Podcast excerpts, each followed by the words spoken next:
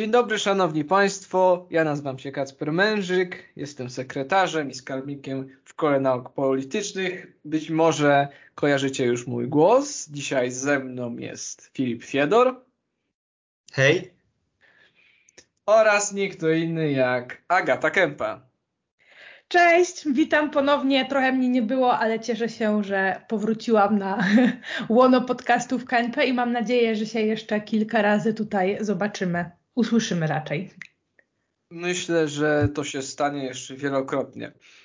Szanowni Państwo, dzisiejszy temat jest tematem niezwykle gorącym, dlatego że będziemy rozmawiali o dwóch programach, a w zasadzie jednym, który odbywa się w ramach drugiego. O Funduszu Odbudowy. Pandemia dała nam absolutnie wszystkim w kość. Yy, mnie jako ekstrawertykowi dała najbardziej. Y, najbardziej dlatego, że brak mi właśnie kontaktu z ludźmi, brak mi gwaru, gwaru właśnie restauracji czy też jakiejś knajpy. Ale bez wątpienia dała nam wszystkim też po portfelu. I to jest nasz dzisiejszy temat. Mówiąc tak bardziej na luzie, będziemy rozmawiali y, o tym, co się dzieje teraz w Sejmie. Myślę, że pokrótce należy też wytłumaczyć, czym jest Fundusz Odbudowy i czym jest Krajowy Fundusz Odbudowy. Otóż Fundusz Odbudowy to są po prostu następne ramy finansowe Unii Europejskiej, prawda? Unia Europejska uchwala co roku budżet, niemniej jednak robi to w ramach siedmioletnich ram finansowych, które mają z roku na rok e, przewidziane konkretne cele. Ten budżet jest szczególny ze względu na to, że po raz pierwszy w historii Unia Europejska wyemituje wspólne obligacje. To znaczy nie obligacje jako Rzeczpospolita Polska, ale obligacje jako Unia Europejska, na które będą się składały każde państwa, co jest największą innowacją. Mało tego, budżet, ten budżet będzie też największym w historii Unii Europejskiej. To ma być, mogę się pomylić, ale wydaje mi się, że 2 biliardy euro, 2 biliardy euro dla całej Unii Europejskiej. Jeżeli się pomyliłem, to poprawcie mnie po prostu. E, później z czego 750 miliardów ma być przeznaczone właśnie, jakby nie przeznaczone, tylko wyemitowane właśnie na, przez te e, obligacje. No więc to jest fundusz odbudowy i prace nad nim trwają już od początku pandemii tak naprawdę, jako kolejne ramy finansowe. Niemniej jednak każdy kraj europejski, y, każdy kraj Unii Europejskiej musi u, u, y, uchwalić swój krajowy plan odbudowy, czyli właśnie rozpisać jakby projekt budżetu. Tak samo jak mamy projekt ustawy budżetowej zgłaszanej przez rząd. Tak samo teraz nasze państwo musi zgłosić właśnie taki krajowy plan odbudowy, jak przeznaczyć część tych, tych właśnie środków. E, oczywiście sama Unia też po niego no, narzuca, wybiera nam e, pewne ścieżki, ale spora transza pieniędzy może być też przeznaczona na inne cele. Wiesz, to są naprawdę ogromne pieniądze Niektórzy przeliczałem tam na tych plakatach Prawa i Sprawiedliwości pojawiało się 778 miliardów złotych dla Polski. Czy to będzie tyle? No wiadomo, że nie, no bo przecież walut, kursy walut y, ulegają znacznym zmianom. E, więc co się stało? Aby ratyfikować umowę międzynarodową, bo będzie to umowa międzynarodowa, która będzie cedowała część kompetencji państwa polskiego na organizację międzynarodową, jaką bez wątpienia jest Unia Europejska. E, więc taka umowa musi być ratyfikowana, to znaczy wcielona do polskiego systemu prawnego. I aby to zrobić, potrzeba w ogóle dwóch trzecich głosów. Tak? Przeczytajcie sobie artykuł 90 Konstytucji, więc, więc żadna partia na razie tyle nie ma. Niemniej jednak też pojawiły się wątki małej właśnie e, ratyfikacji. Ale ratyfikacja ratyfikacją. Na razie to można ją całkiem, całkiem długo przemówić. Znaczy nie przemówić, tylko e, przedkładać i wcale nie musi być ratyfikowana od razu. Jednak jest to bez wątpienia warunek utrzymania e, tychże pieniędzy. W ostatnich dniach stała się rzecz e, no, bardzo ciekawa, dlatego że Lewica właśnie dogadała się z premierem Morawieckim, że poprze właśnie ten projekt Krajowego Planu Odbudowy, który oczywiście ma być też odpowiednią ustawą i tam mają być zapisane wszystkie organy między innymi kontrolne oraz jak te pieniądze mają być rozpisane. I to jest sedno. O tym będziemy dzisiaj rozmawiać. Między innymi, jaki to miało właśnie wpływ na lewicę. Może jeżeli już ja zacząłem rozmawiać, też prowadzę tę dyskusję, dodam, dodam od siebie właśnie moją opinię na ten temat, po czym przekażę głos e, jednemu z Was, kto będzie pierwszy, ten lepszy. E, więc o co tutaj e, chodzi? Moim zdaniem jest to bardzo dobre posunięcie ze strony lewicy. Niemniej jednak jest jeszcze za wcześnie, aby oceniać, jakie skutki to przyniesie. Dlaczego? Dlatego, że lewica szuka swojej tożsamości. Lewica musi się odróżnić od platformy. Nie może być platformą 2.0, musi być po prostu lewicą, musi być partią wspierającą właśnie sprawiedliwość społeczną, budującą mieszkania dla młodych Polaków, wspierającą właśnie rynek pracy e, w pewnym stopniu antykapitalistyczną, socjalną, prawda, żeby nie powiedzieć socjalistyczną, bo u nas w kraju słowo socjalizm jest e, obciążone straszną konotacją negatywną.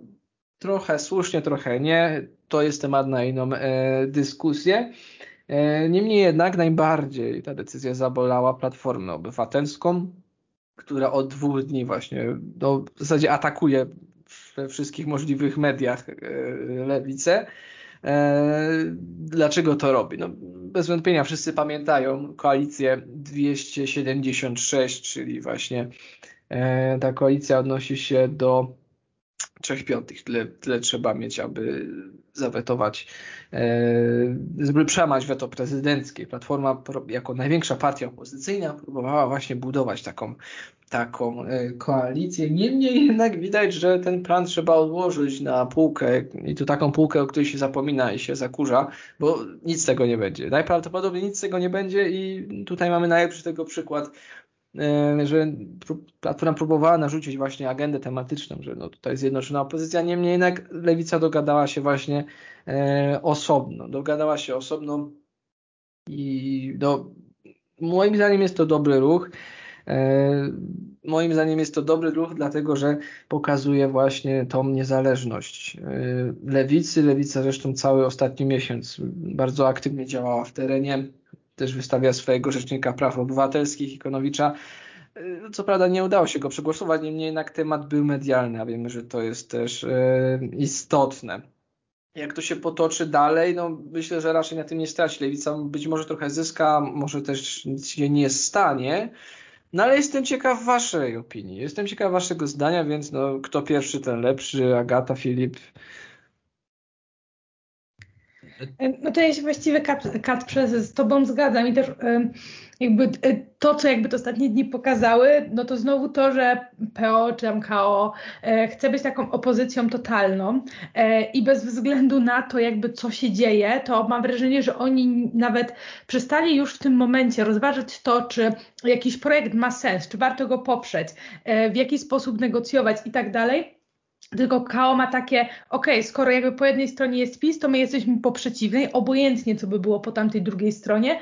E, I myślę, że tutaj lewica dużo bardziej jakby rozsądnie się zachowuje i to też pada jakby e, z ust posłów e, lewicy przez ostatnie kilka dni, bo oni podkreślają, że tak naprawdę to nie jest współpraca z PiSem, co zarzuca im KO, tylko po prostu to jest jakby e, głosowanie tak i decydowanie w taki sposób, jak oczekują tego obywatele i że oni po prostu mają teraz e, szansę zadecydować, gdzie trafi e, masa pieniędzy, w jaki sposób to będzie jakby, w sposób jakby ten e, program będzie wydawany, co z niego będzie finansowane i chcą też e, w tym uczestniczyć. Także tu rozumiem ten ruch. Wiem, że trochę jakby budzi różne emocje w społeczeństwie, ale myślę, że też na pewno ogromnym takim PR-owym plusem dla lewicy będzie to, że oni się zaczynają odróżniać w tym momencie od platformy. To też jest coś, o czym ty powiedziałeś. E, I to może im dać trochę właśnie też takiego poweru do działania, no bo lewica trochę też ma problem z tożsamością, jak większość partii w Polsce, bo trudno jest je w jakiś sposób e, określić i powiedzieć, czym tak naprawdę e, są. Też wiemy, że jakby lewica nie radzi sobie za dobrze w sondażach i w ogóle z tej strony bardziej powiedzmy centrolewicowej, lewicowej, opozycyjnej, coraz więcej osób odchodziło do Hołowni. Także to jest jak najbardziej dobry krok ze strony lewicy bo jakoś myślę, że mogą się jakby tym w jakiś sposób umocnić. Też pytanie, jak to dalej będzie rozgrywane i na ile rzeczywiście jakikolwiek wpływ będą na to mieli poza jakby takim głosowaniem. Ale ty Filip, jak uważasz? E, to znaczy, ja uważam bardzo podobnie jak e, moi przedmówcy, czyli jak e, ty Agata oraz jak ty Kacprze. Jednak też chciałbym zwrócić uwagę, dlaczego i pod jakimi warunkami lewica w ogóle poparła PiS. I tych warunków było sześć. Myślę, że takimi najistotniejszymi z nich są trzy warunki. E, tak, e, tak naprawdę, które istotnie mogą wpłynąć, e, myślę, na elektorat lewicy, no to przede wszystkim jest to te 300 milionów euro, które mają pomóc upadającym firmom, które niestety mają problem po pandemii koronawirusa. Myślę, że tym drugim elementem jest miliard euro, które ma pójść y, y, na wyremontowanie oraz wyposażenie i odłużenie y, w szpitali w powiatach.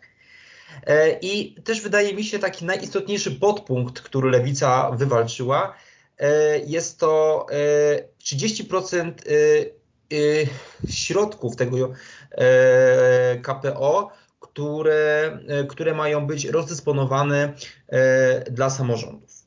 Myślę, że to są takie trzy filary, e, które się, się najbardziej bronią. E, pozostałe takie trzy, które w moim odczuciu są dość słabe, jak na przykład e, budowa 75 tysięcy mieszkań na wynajem. Jest to dobra inicjatywa i powinniśmy iść generalnie w tym kierunku. No jednak jest to dość mało, jeżeli pomyślimy, ile mamy dostać pieniędzy, a mamy dostać około 770 miliardów złotych. Jeszcze chcę zauważyć, że w 2019 oddaliśmy do użytku jako Polska 207 tysięcy mieszkań. No, czyli bardzo mało lewica wywalczyła, e, e, jeżeli chodzi o sam aspekt e, tego. I jeszcze tutaj jest szczegółowy plan wydatkowania, ale samej części pożyczkowej funduszu. Wiemy o tym, że Komisja Europejska będzie sprawowała kontrolę nad rozdysponowaniem tych pieniędzy no można powiedzieć, że jest to postulat słuszny, no jednak no, nie jakiś e, ewidentnie, e, nie wiem, genialny. E, oraz taki szósty, taki się wydaje e, na doczepkę troszeczkę, jest to utworzenie komitetu e, monitorującego wydatkowanie tych środków. E, tutaj dołączyli taki zapis, że z silną reprezentacją samorządów i związków zawodowych.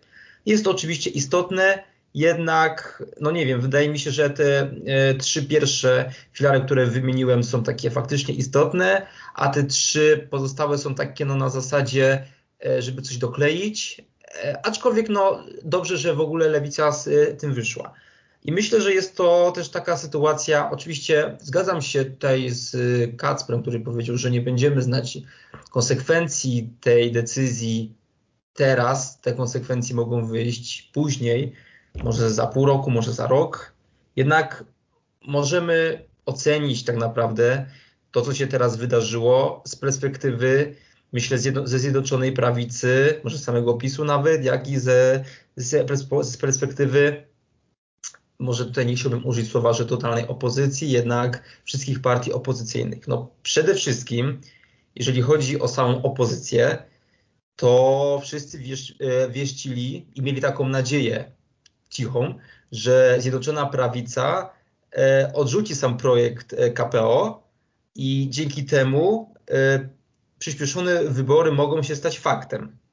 I tutaj liczyli na to, że ci liberałowie, oni utworzą w polskim Sejmie szeroką koalicję, która tak naprawdę pokaże taki fakt, że o PiS nie może się dogadać z koalicjantami, dlatego opozycja musiała przejąć władzę w Polsce i nam się udało to przepchać.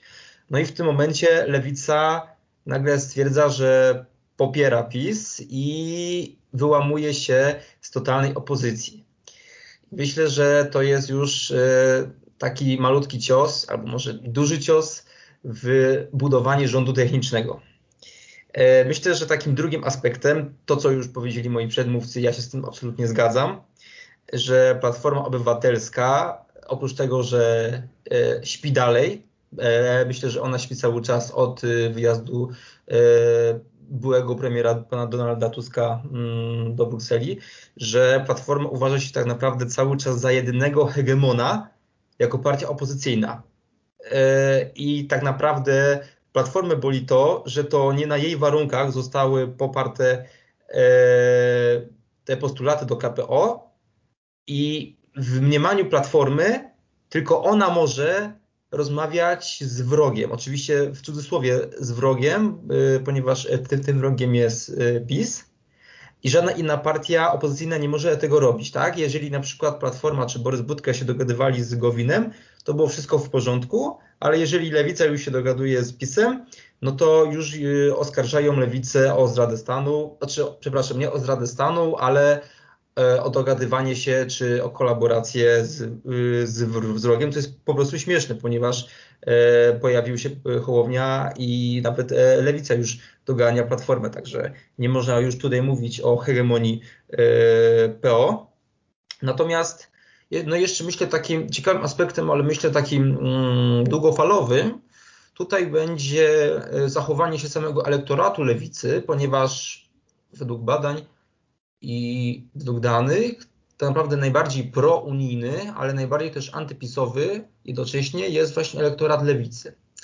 I tutaj jest taki ciekawy aspekt, ponieważ no wiadomo, że i sprawa LGBT, czy marsze kobiet i, i tak dalej, no to one były wymierzone, te marsze przede wszystkim głównie w PiS i w Zjednoczoną y, Prawicę. I teraz taki ruch lewicy, który bezpośrednio popiera rządy y, PiSu, y, myślę, że może wzbudzić pewną e, konsternację w elektoracie e, lewicy, aczkolwiek jest to e, temat, myślę, który dopiero wyjdzie, tak? ponieważ no, jesteśmy dopiero nacji to po, po tych wydarzeniach. Natomiast jeżeli patrzy się na, na perspektywę samego PiSu, to, no to w zasadzie jest to sytuacja bardzo, ale to bardzo wygodna. Ponieważ przede wszystkim pan Jarosław Kaczyński już się nie musi dogadywać ze Solidarną Polską. Już nie musi się dogadywać ze Zbigniewem Ziobrą. E, Solidarna Polska może być cały czas już e, antyunijna, to znaczy może nie antyunijna, ale, nie, ale może dalej nie popierać EKPO. E, Jarosław Kaczyński ma już ten problem załatwiony. I myślę, taka, taki drugi ważny wątek PiS już nie musi się dogadywać z Platformą i w ogóle już nie musi prowadzić e, rozmów ani z Platformą, ani z PSL-em. Także ten, e, ten sztandarowy konflikt y, pomiędzy PiSem a PO e, myślę, że tu, tutaj nie zaistniał, no nie zaistnieje, co jest takim nowum. No i jeszcze jest tak zwana trzecia strona medalu, gdzie tak naprawdę PiS w pewnym momencie może stwierdzić, że nie spełni oczekiwań e, e, lewicy, a trzeba zwrócić uwagę na to, że PiS ma telewizję polską i tak naprawdę nawet czego by teraz PiS nie zrobił, tuba telewizji polskiej wykrzyczy na głos, że PiS to jest ta partia, która zatwierdziła KPO, czyli dziejowy program na rozwój Polski. I myślę, że jest to bardzo wielowątkowy aspekt i pod wieloma względami na pewno on y, wyjdzie dopiero za jakieś pół roku albo za rok. Jednak y, moim zdaniem, y, kończąc ten przy, przydługi wywód, lewica zachowała się w porządku, po, po prostu zachowała się w porządku i, i myślę, że to świadczy o jakiejś większej dojrzałości politycznej, którą zawsze charakteryzowała lewica w Polsce niż totalny antypis e, KO. Tak mi się wydaje. Nie wiem, co wy na to. E, ono może do, te, do, tego, co powiedziałeś odnośnie samych postulatów lewicy, że połowa z nich jest taka może nie mrawa. I tu bym się z tobą zgodził. Dlaczego takie też? One są bardziej też medialne, bo one są niejako potwierdzeniem też tego, co jest zawarte w tym funduszu odbudowy. To znaczy sama Komisja Europejska będzie bardzo to skrupulatnie e, liczyła, prawda? Wszystkie, wszystkie wydatki, monitorowała je. Chodzi też o to, żeby to przebiło się do mainstreamu. Lewica musi się przebić do mainstreamu, zwłaszcza partia Razem, żeby zaistnieć. Jak sobie zobaczycie jakikolwiek ranking odnoszący się do zaufania wśród polityków, jest tam czasami Włodzimierz Czarzasty, czasami właśnie Adrian Zandberg i jak zauważycie, większość y, ankietowanych w ogóle ich nie zna. Oceniają ich albo właśnie pozytywnie, negatywnie, ale większość ich właśnie nie zna. Chodzi też o to, żeby właśnie zaistnieć i ta akcja bez wątpienia y, im to tym pomoże. No, tak się trochę zawahałem, ale chodziło mi o to właśnie pomoże w sondażach czy nie. No jeszcze za wcześnie na to. E, nie mamy jeszcze żadnego sondażu odnośnie. Wczoraj co prawda e, TVN opublikował jeden, ale był on całkiem zmanipulowany, bo było, że, że jest spadek o 1%, ale przecież 1% to jest wahania jakby wiecie, no błąd statystyczny o to po prostu chodziło mało tego, była tak samo obniżona skala, jak robiło to TVP, e, więc no mógłbym się zgodzić z Jankiem Śpiewakiem, który mówi, że w pewnych aspektach liberalne media, jakim są właśnie TVN i Gazeta Wyborcza, no, mają też swoją agendę tematyczną, na którą się zgadzają mnie i teraz to jak najbardziej widać, prawda? Teraz to jak najbardziej widać. E, czy to jeszcze Radio Talk FM, gdzie dzisiaj w sumie dwie godziny były poświęcone na temat lewicy, bez zapraszania przedstawicieli lewicy. E, no, jest to co najbardziej dziwne. Mało tego, co mnie najbardziej uderza w, e, w, w słowach, jakie Platforma porównuje lewicę, chociażby słowa Radosława Sikorskiego, no, pomimo mojej dużej sympatii do tego polityka, myślę, że zachował się teraz no, dość, no nie przystoi po prostu takie zachowanie, chociażby porównywanie paktu Ribbentrop-Mołotow do y, tego właśnie paktu lewicy y, z PiSem. No, no, myślę, że jest to nietrafione porównanie i jakby nie posądzam Radosława Sikorskiego europosła i byłego przecież ministra spraw zagranicznych, że nie ma wiedzy historycznej. No niemniej jednak jest to przesadzone porównanie i mało etyczne po prostu. No, ja bym po prostu, polityk tego formatu nie powinien używać E, takich sformułowań. Mało tego, tych sformułowań pojawiało się więcej. Dzisiaj przed chwilą w zasadzie Borys Budka mówi, że musimy, musimy zarówno zatrzymać e, kolor brunaty, jak i kolor, skrajny kolor brunaty, skrajny kolor czerwony. Coś takiego e, powiedział. Ja tu odsyłam do znakomitej książki Zygmunta Baumana retrotopii, czyli jak przeszłość rządzi naszą teraźniejszością. Zobaczcie teraz, zanalizujcie sobie właśnie wypowiedzi, jak wiele jest właśnie porównań polityków Platformy do, y, do przeszłości, że to jest zdrada. Używamy tu właśnie kolaboranci. Kto jest kim jest kolaborant? No osoba współpracująca z okupantem. No to kto jest tym okupantem teraz? No PiS. No, no co by złego powiedzieć na Prawo i Sprawiedliwość, ale no trudno nazwać go okupantem jednak. Yy, można naprawdę wiele tutaj rzeczy powiedzieć niepochlebnych na temat tej partii, niemniej jednak nie nazwałbym jej nigdy okupantem, ponieważ okupant ma w sobie zawarte obce państwo, które najechało zbrojnie. Niemniej jednak PiS nie jest obcym państwem, jest partią wybraną przez Polaków, prawda?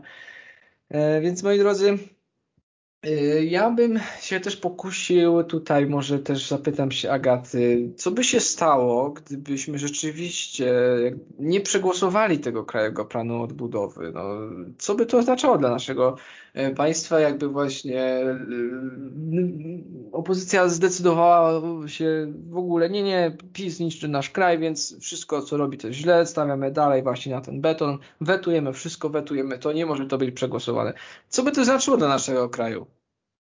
Trudno mi jest tutaj gdybać ze względu na to, że wydaje mi się ten sam pomysł nieprzegłosowania tego na tyle absurdalny i niemożliwy, że nawet się nie zastanawiałam nad tym, co się stanie, gdy, gdyby rzeczywiście się tak stało, bo właśnie myślę, że to jest to, co też powiedziałeś, że ci posłowie lewicy się, ty albo Filip, e, Posłowie lewicy wykazali się e, tutaj większym rozsądkiem, jakby takim politycznym i dojrzałością polityczną, e, ze względu właśnie na to, że chcą jakby tutaj głosować za i to jest coś, co też mi bardzo jakby przeszkadza jakby w obecnej polskiej scenie politycznej, że jest cały czas jakby taka wojna między opozycją i między PiSem, jakby w ogóle między wszystkimi partiami i że mam wrażenie, że w wypadku większości partii, gdyby jakby nawet miał jakiś wspólny cel, to mieliby problem, żeby się dogadać tylko ze względu na to, że teoretycznie mają inne kolory partyjne. No i tutaj jakby to też właśnie wychodzi, a to przecież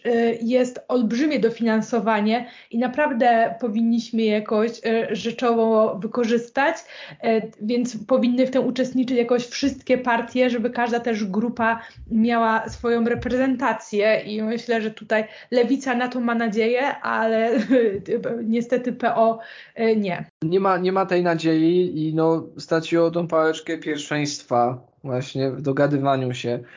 No w takich właśnie sytuacjach, a przecież no, są wystąpienia z listopada, z grudnia, czy to Borysa Budki, czy to poseł właśnie Lubenauer, którzy no, mówili, że poprą ten kanał budowy, bo te, używali tej samej retoryki, której używa teraz Lewica. Te pieniądze mają właśnie trafić do samorządów i do Polaków. No tego też ten argument często się podkreśla, te pieniądze w głównej mierze zostaną wydane przez przyszły rząd, prawda? Więc y, mówienie takich rzeczy, że no PiS wykorzysta te pieniądze do kampanii, y, dla mnie jest argumentem populistycznym.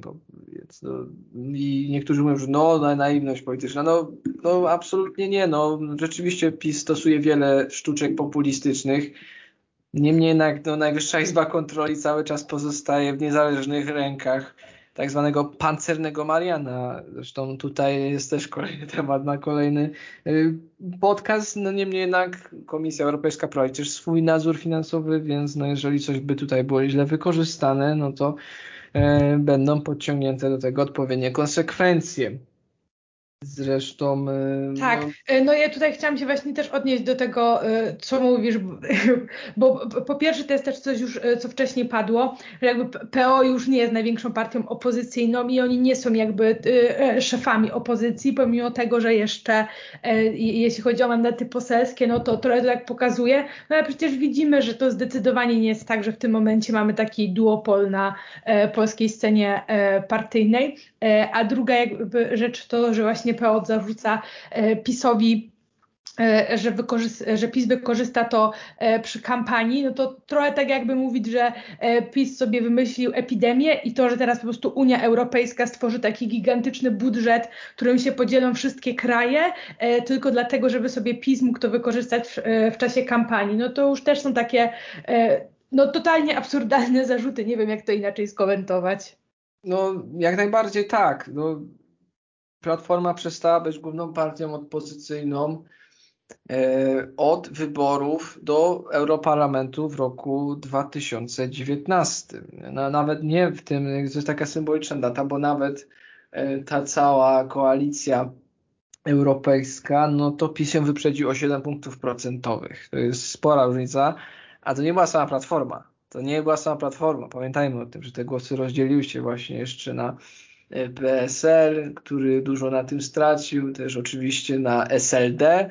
E, no to Biedroń poszedł osobno, zresztą tak samo poszła jeszcze Lewica razem, ale dogadali się co do parlamentarnych, więc tutaj, tutaj od tego momentu, pamiętam, rozmawiałem z profesorem Bankowiczem na ten temat, że no tutaj Platforma już przestaje być taką partią równorzędną dla PiSu.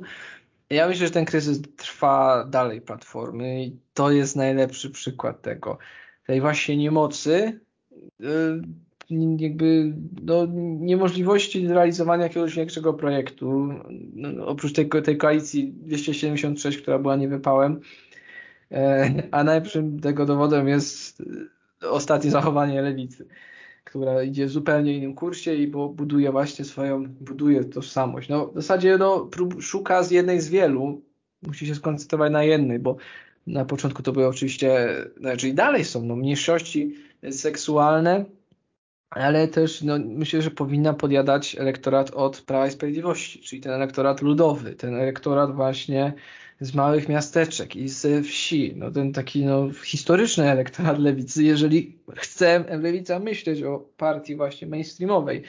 No nie może tak samo być partia ta ta lewica kawiorowa czy lewica sojowa, jak to się śmieją właśnie na Twitterze. No, muszą podjąć próbę budowania właśnie takiej szerszej partii. Myślę, że to jest właśnie jedna z takich prób. Zresztą posłanki i posłowie lewicy działają bardzo aktywnie w terenie, co chyba już powiedziałem wcześniej. Przez ostatni miesiąc wiele jest podejmowanych inicjatyw e, z tej strony. Dzisiaj też Adrian Zadberg zamieścił na Twitterze, że oni aż w zeszłym miesiącu wystosowali 7 projektów ustaw, co jest w ogóle najwięcej. 5 wyprodukowała Rada Ministrów, Platforma tylko dwa. Nie? Więc ja wiem, że to są, to są symbole. To są symbole, polityka rządzi się symbolami. Wiadomo, że większość tych projektów nie zostanie przekształcona w ustawy, dlatego że te partie nie mają przecież większości. No niemniej jednak liczby działają na wyborców. Liczby działają na wyborców, działają na wyobraźnię. Patrzcie, jesteśmy w Sejmie, my robimy, my robimy. E, odpowiadamy za was, znaczy nie odpowiadamy za was, jakby odpowiadamy na wasze głosy. My coś robimy, jesteśmy e, opozycją konstruktywną, a Platformie był zawsze zarzucany ten, ten argument, że jest opozycją betonową. Wszystko, co PiS, to jest na nie. I to jest dzisiejszy tego wyraz. Jak z tego wybrnie Platforma? No, myślę, że to jest kwestia tego tygodnia, bo pojawił się potężny przeciwnik Platformy, dużo bardziej potężny niż Lewica, czyli właśnie Szymon Hołownia, który, jak wiemy doskonale, chodzi sobie po Sejmie z taką siatką i łapie, łapie właśnie posłów z Platformy. E, oddam teraz go z Fipo i będzie, że odciszyłeś mikrofon, więc e, śmiało. Tak, tak, po prostu nie chciałem Ci przerywać. E, chciałem powiedzieć, że największym sprzymierzeńcem obecnie Platformy Obywatelskiej jest chyba czas, jaką ją dzieli od kolejnych wyborów, które się odbędą za dwa lata. E, jest to obecnie ich najlepszy przyjaciel i kompan, ponieważ oprócz takiej, e, takiej oczywistej kwestii, tak naprawdę platforma teraz jest w kompletnym dołku i rozsypce, e, ponieważ faktycznie można zauważyć, że platforma ruszyła się dopiero do działania, kiedy uruchomił się Szymon Hołownia ze swoją partią. Poprzednia kadencja Platformy Obywatelskiej to było skupianie się na antypisie przede wszystkim, czy wliczanie błędów tam było takie dość, dość wyraziste, no nie wydaje mi się. To znaczy punktowali oni e, Zjednoczoną e, Prawicę, punktowali oni PiS, no i, no i, no i to, co ty powiedziałeś, że cały czas e, są antypisowi, jednak nie skupili się na konstruktywnym programie, który mogliby zaproponować Polakom, który byłby faktycznie czymś innym, czymś odświeżającym wobec tego, co zaproponowało Prawo i Sprawiedliwość, a później rząd Zjednoczonej Prawicy. I myślę, że to jest główny problem e, Platformy, to co powiedziałem podczas wcześniej mojej wypowiedzi, że, no, że, że Platforma dalej śpi. To, że e, pojawiają się, znaczy są partie opozycyjne, które zaczynają coś działać i kują ją e, szpilkami, no to, to nie wystarczy to wygląda tak, jakby platforma sobie siedziała i tylko podchodził do niej e, e, ktoś i ją szturchał. I dopiero wtedy ona się zaczyna ruszać i myśleć. Tak to nie robi nic. Więc no, jest to bardzo proste porównanie, ale moim zdaniem adekwatne do ich sytuacji. Odnosząc się do lewicy, o której powiedziałeś też wcześniej, to w ogóle odsyłam do podcastu, który nagraliśmy na temat, no, na temat dzisiejszej lewicy i jej y, problemów. Tutaj widać, że Czazasty mm, odcina się w sumie od y, starej lewicy, czyli może od y, SLD, które było bardzo takie schierarchizowane i które właśnie bardziej mentalnie no, nawiązywało, myślę, do, do początków pierwszej dekady XXI e, wieku, e, od starych elit, czyli od Millera, od świętej pamięci e, bardzo aktywnego Józefa Oleksego. E, I tutaj właśnie problem polega lewicy na tym, mm, e, no, no to co to, co już omówiliśmy w poprzednim podcaście, że lewica za bardzo skupia się na aspektach ideologicznych, to znaczy, żeby była jasność, aspekty ideologiczne są bardzo ważne, aspekty, przepraszam, są bardzo istotne, jednak no, jak widać po tym, kto wygrywał wybory w Polsce, Polacy nie skupiają się tylko i wyłącznie na e, aspektach ideologicznych, e, tylko przede wszystkim myślą o ekonomii, o, o gospodarce oraz to, ile mają w portfelu pieniążków. I to jest bardzo istotny element, y, który PiS y, wykorzystał, ponieważ PiS zapewniając mm, duże transfery socjalne, może sobie pozwalać na różnego typu smaczki, takie jak aborcja i tak dalej. Polacy się temu sprzeciwiają, no jednak PiS dalej, te sondaże PiSowi aż tak drastycznie jeszcze nie spadły i dalej się utrzymuje. Także jeżeli chodzi o alternatywę wobec PiSu, ja osobiście uważam, że w Polsce relatywnie jej jeszcze nie ma. Można założyć takie mm, stwierdzenie, że powstanie jakiś duży blok partii opozycyjnych, no jednak to już wszyscy komentują, e, czy to na antenie Brenneryzmu dnia pana Roberta Mazurka, że nikt sobie nie wyobraża przecież tej koalicji od pana Zandberga po e, pana Janusza Korwina-Mikke. E, jest to nierealne i tak naprawdę jedyną faktyczną siłą, która może rządzić w Polsce to jest Zjednoczona Prawica. Oczywiście jest jeszcze aspekt tego, E, że ta zjednoczona e, prawica się chwieje i, no i w każdym momencie e, może się rozpaść. Jednak też jest prawda taka, że ona się rozpada już trzeci miesiąc, czy drugi i się jeszcze nie może rozpaść. Póki jest tam Jarosław Kaczyński, myślę, znaczy inaczej, zawsze zakładałem, że dopóki Jarosław Kaczyński jest w grze, jest w polityce, wszystko się może wydarzyć. Wszystko. I tutaj widzimy bardzo wyraźnie, że, że dopóki jest Jarosław Kaczyński, e, ok, jest, był szeregowym posłem, teraz jest e, wicepremierem. E, do, dopóki tam jest on, myślę, że to wszystko jakoś skleja i tutaj e, pan, pan minister, pan premier Gowin e, tu udzieli wy, wywiadów TVN-ie, e, tam e, zaprzecza, mówi, że zostaje w rządzie i jak dalej czy pan Ziobro, który jest bardzo anty, znaczy no, nie bardzo antyunijny, ale yy, często bardzo ostro się nie zgadza z yy, PiSem, tak jak jego był eks-wiceminister pan Janusz Kowalski, który również dość głośno krzyczy, jednak dalej są z tym PiSem. I myślę, że pozycja Zjednoczonej Prawicy jest jak na razie, może nie, że nie zachwiana, jednak nie widzę jakiejś solidnej alternatywy wobec tych, tych ugrupowań. No, powiem, powiem Wam tak, na, już musimy zmierzać do końca, czas nas nagli. Truizmem będzie powiedzenie, że podczas przyszłych wyborów, y, kiedy ukrystalizuje się nowy parlament, będzie nami rządzić jakaś koalicja. To jest w zasadzie prawie pewne, że nie będzie to rząd y, jednolity, no przecież teraz też nie jest y, jednolity, tak, w zasadzie. Czy my w ogóle kiedyś mieliśmy rząd jednolity? W zasadzie tak, myślę, że nawet jakby Zjednoczona Prawica też jest cały czas koalicja, nie jest to przecież samodzielne Prawo i Sprawiedliwość, o czym mam wrażenie, że wiele osób też no, kiedyś nie pamiętało. No teraz już dużo bardziej pamięta, kiedy mamy w zasadzie od tych wyborów kopertowych, na które nie zgodził się Gowin, no i od ambicji Zbigniewa Ziobro, który no, próbuje budować tutaj swój ruch. Zresztą no, tutaj Tomek Synowiec będzie nagrywał prawdopodobnie podcast o wyborach w Rzeszowie i jakie będą miały konsekwencje, więc y, stay tuned, moi drodzy. Y, będzie taki podcast y, w najbliższym czasie, no bo wybory zostały przesunięte na czerwiec te rzeszowskie. No, więc co moi drodzy, no myślę, że pora na podsumowanie, pora na podsumowanie naszej dzisiejszej y, dyskusji. W paru zdaniach myślę, że te najbliższe tygodnie w Sejmie będą cały czas bardzo napięte.